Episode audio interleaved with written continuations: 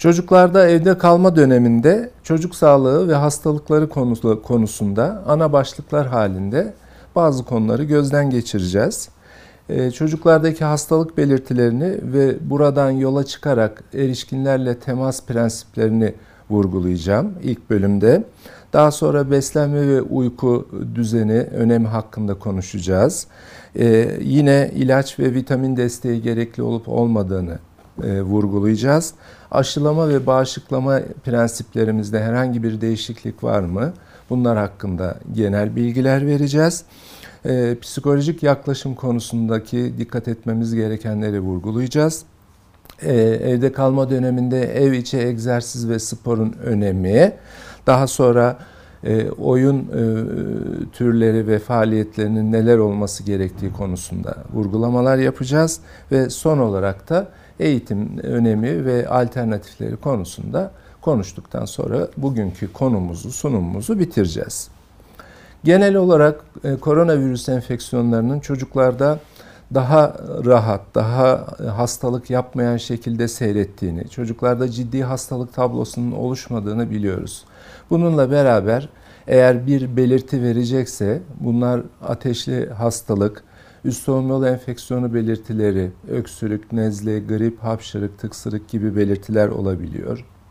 Bunun dışında non-spesifik olarak özel bir gastroenteritten mide bağırsak enfeksiyonundan ayırt edilemeyen ishal gibi şikayetlerle de ortaya çıkabiliyor.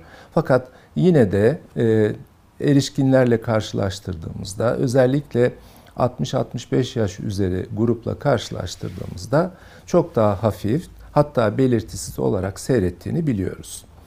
E, tabii ki bu e, şansımız çocuklarda daha hafif, daha az şiddetli seyrediyor e, olma şansımız e, izolasyon kuralları konusunda toplum içi temas felsefemizde, prensiplerimizde herhangi bir değişikliğe e, yol açmıyor.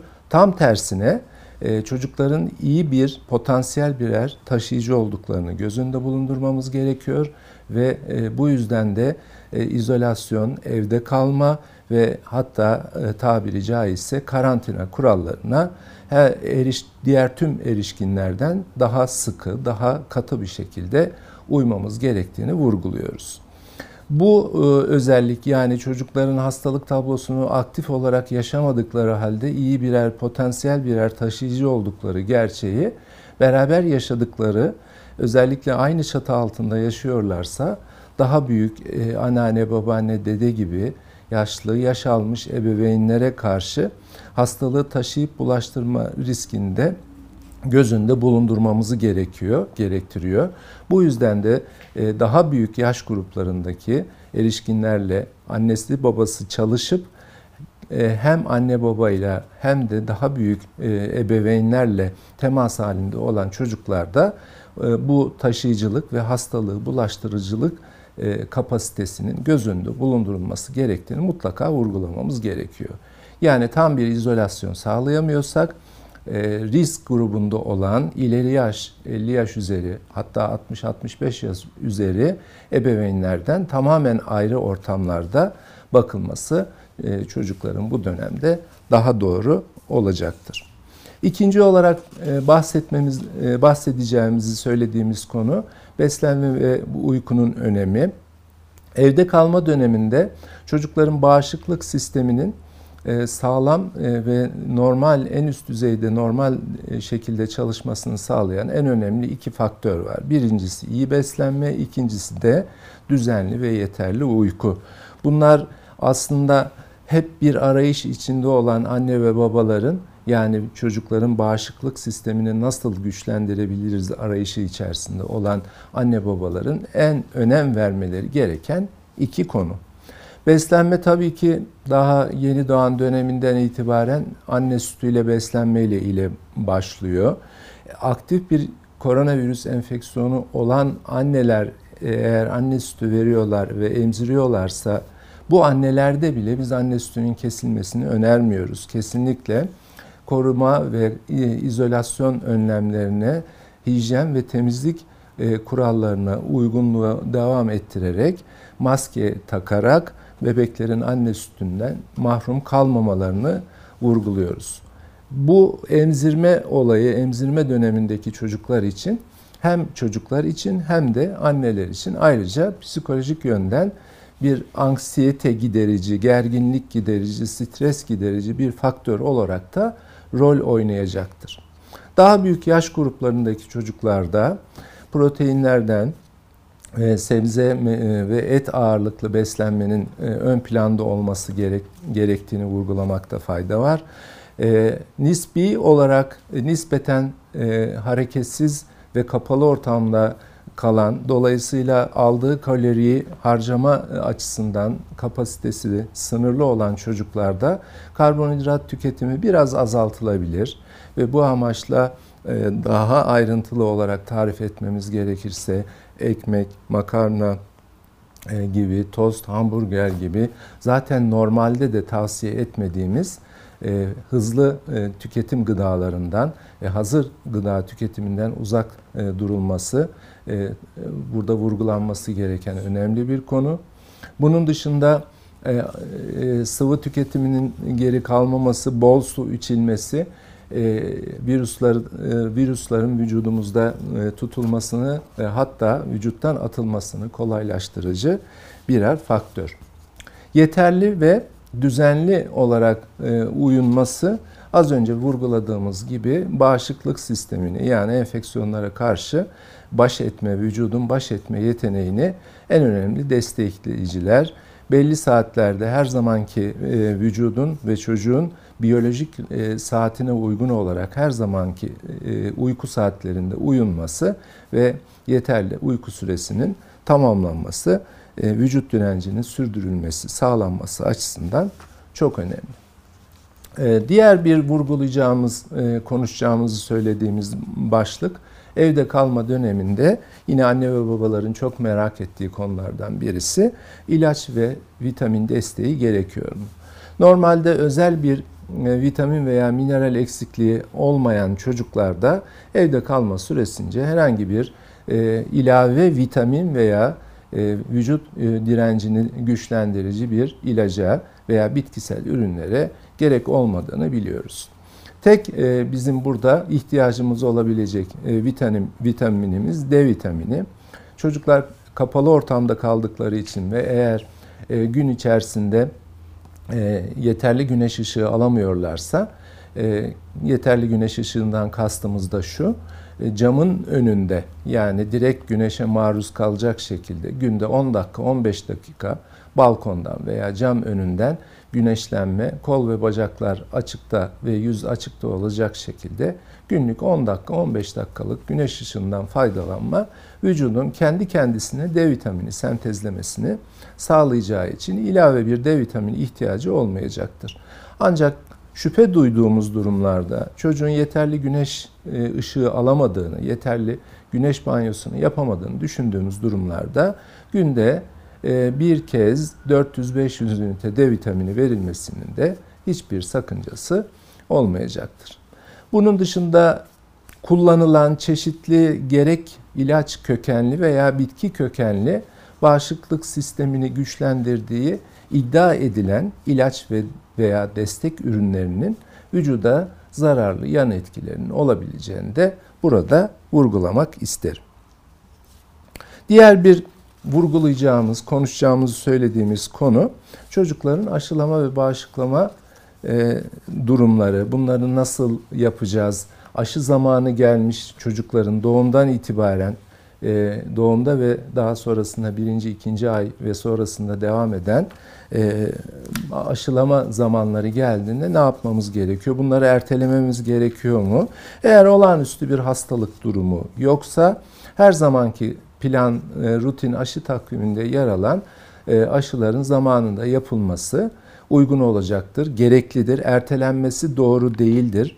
E, aşılama işler faaliyetlerinin, bağışıklama faaliyetlerinin yapılırken de daha ziyade sağlam çocuk muayenelerinin yapıldığı ve hasta erişkin hatta hasta çocukların bulunmadığı sağlık kuruluşlarında bunların yapılması koronavirüs enfeksiyonlarına karşı korunma açısından bize avantaj sağlayacaktır. Diğer bir konuşacağımız, vurgulayacağımız konu psikolojik yaklaşımdı. Ee, yaş gruplarına göre değişmekle beraber özellikle ilk 3-5 yıl içerisinde çocuklarda doğal olarak bulunan negativizm tablosunun yani hayata, e, olaylara e, daha negatif bakma ve daha ben merkezli bakma ruh halinde olduğunu dikkate aldığımızda devamlı kapalı kalan ve e, kapalı bir ortamda yaşayan çocuklarda bu negatif e, ruh hali daha ağırlaşıp daha olumsuz tablolara dönüşebiliyor. Bu yüzden de ebeveynlerin, anne ve babaların çocuklara yaklaşımlarında her zamankinden daha hoşgörülü, daha toleranslı ve anlayışlı davranmalarında fayda var. Bu psikolojik yaklaşım başlığı altında şunu da vurgulamamız lazım. Çocukların riskleri, tehditleri ve tehlikeleri, e, enfeksiyon gibi olayları ve hatta ölüm gibi sonuçları kendi iş dünyalarında erişkinlerinden çok daha farklı yaşadıklarını, bunları daha büyük fırtınalarla karşıladıklarını e, çok iyi biliyoruz. Bu yüzden de çocukların yanında e, bu tür enfeksiyonların, koronavirüs enfeksiyonlarının gidişatı, sonuçları, e, özellikle ölümcül e, sonuçları, komplikasyonları hakkında e, yorum yapmamak, bu tür tartışmaları ve gerekli korunma önlemlerine yönelik tedbirler hakkındaki konuşmaları çocukların yanında yapmamakta fayda olur diye düşünüyoruz. Çünkü gerek bu korkular ve de gerekse günlük hayat içerisinde virüse karşı korunma amaçlı sık sık e, el yıkama uyarılarımız, tembihlerimiz çocuklarda zaman zaman e, obsesif kompulsif bozuklukların, psikolojik bazı sıkıntıların, tekrarlayan el yıkama, tekrarlayan temizlik hareketlerinin ve daha uzun vadeli e, psikolojik problemlerin gelişmesine yol açabilecektir. Bu yüzden de bu konularında dikkate alınması ve bu korkunun çocuklara hissettirilmemesinde fayda var diye düşünüyoruz.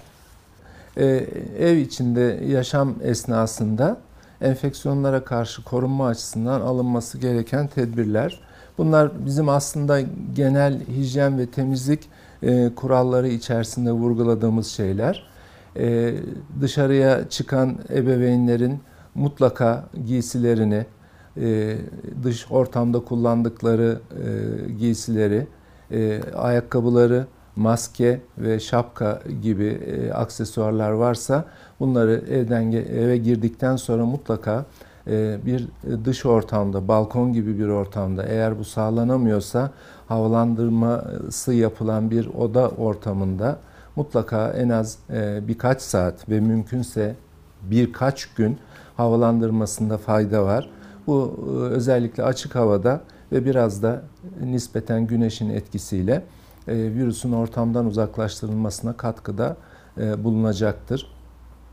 Zaten ev dışı ortamlarda diğer maske kullanımı gibi el sıkışma, öpüşme gibi sosyal izolasyon ve temas önlemlerinin önemli olduğunu her zaman vurguluyoruz. Bunları katı ve sıkı bir şekilde ev ortamında sürdürmeye gerek yok. Çünkü evde zaten izolasyon altında olduğumuz için e, enfeksiyonu taşıması muhtemel bireylerle karşı karşıya ihtim kalma ihtimalimiz e, düşmüş oluyor. E, rutin hijyen ve temizlik faaliyetlerine devam edilmesi ev ortamında çocuklar için yeterli olacaktır diyebiliriz. Önemli konulardan birisi egzersiz ve spor faaliyetleri. Özellikle okul çağındaki çocuklar okul e, esnasında ve okul sonrasında hafta sonlarında spor ve egzersizden geri kalmıyorlar. Sporla iç içe oluyorlar. Hareketli bir yaşam tarzı yaşadıkları için e, evde kapalı kalma e, sürecinde bu hem psikolojik olarak sıkılmalara hem de fiziksel olarak hareketin azalmasına bağlı kilo alımı, normalden fazla kilo alımı ve obezite riskinde artışa neden oluyor. Bu yüzden de hareketliğin e, azaldığı bu dönemde e, ev ve alan e, müsaitliğine göre hafif egzersizler ve spor faaliyetlerinin gerçekleştirilmesi sağlık açısından da gerekli, uygun olacaktır. Ee, anne ve babalar eğer bu faaliyetlere eşlik edebilirlerse, daha ayrıntılı bilgi vermek gerekirse, e, örneğin bir e, müzik eşliğinde e, yapılan dans hareketleri, bu aynı zamanda spor amaçlı da olacağı için hem çocukların daha olaya interaktif bir şekilde katılmalarını sağlayacak hem de spor ve egzersizden faydalanmalarını sağlayacaktır. Ev ortamının havalandırılması yine az önce bahsettiğimiz koruyucu tedbirler açısından bir gereklilik olacaktır. Son olarak vurgulayacağımız e, konu e, çocuklar özellikle oyun çağındaki olan okul öncesi veya okulun ilk yıllarında olan e, çocuklarda oyun konusunda dikkat etmemiz gerekenler emsalleriyle, yaşıtlarıyla gerek okul ortamında, gerek anaokulu hatta daha öncesinde kreş ortamında devamlı fiziksel oyunlar içerisinde olan çocuklar kapalı bir ortamda bundan yoksun kalınca e, masa başı e, oyunlara e, odaklanıp bunlarla sınırlı kalmamalıdır.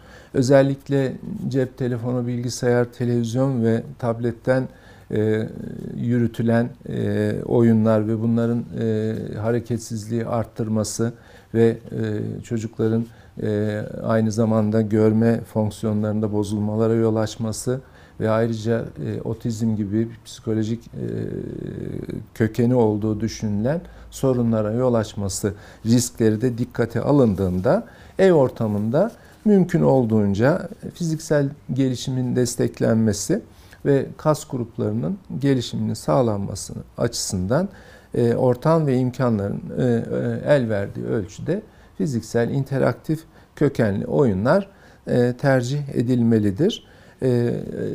Belli aralıklarla ve kısa sürelerle cep telefonu veya bilgisayar üzerinden oyun uygulamaları veya oyunlar müsaade edilmeli ve çocukların böylelikle e, dikkatlerini de farklı alanlara toplamaları konusunda destek olunmalıdır. Günümüzde modern e, teknolojinin e, ve mevcut imkanların el verdiği ölçüde uzaktan eğitim ile e, müfredat kolaylıkla takip edilebilmekte ve hemen hemen fiziksel sınıf koşullarında olmasa da eğitim eksiksiz bir şekilde e, sürdürülebilmektedir. E, tabii ev ortamında bu sanal e, yapılan, sanal ortamda yapılan e, eğitim e, gerçek eğitimin yerini almasa da e, bizim e, ebeveynler olarak mutlaka destekleyici e, alternatif imkanları e, devreye sokmamız önemli. Bunun için e, gerek e, basılı materyallerle ya da sanal ortamdan kullanabileceğimiz diğer eğitim malzemeleriyle çocukların eğitimlerini sadece müfredata bağlı kalarak değil, diğer alternatifleri de kullanarak sürdürmemizin önemli burada vurgulamak gerekir. Küçük yaş gruplarında e, bu eğitimi interaktif oyunlarla beraber tamamlamakta son derece faydalı olacaktır. Tabii e, şu son olarak şunu vurgulamakta fayda var. Eğitim sadece bir e, müfredat veya sanal eğitim değildir. Eğitim hayatın her anı, günün 24 saati süren ailele içinde ebeveynlerle baş başa kaldığında da e, ebeveynlerin özellikle bunu üstlenmesi ve sürdürmesi gereken hayat boyu devam eden bir süreçtir. Burada ebeveynlerimize, anne babalarımıza ve diğer e, büyüklerimize de önemli roller, görevler düşmektedir.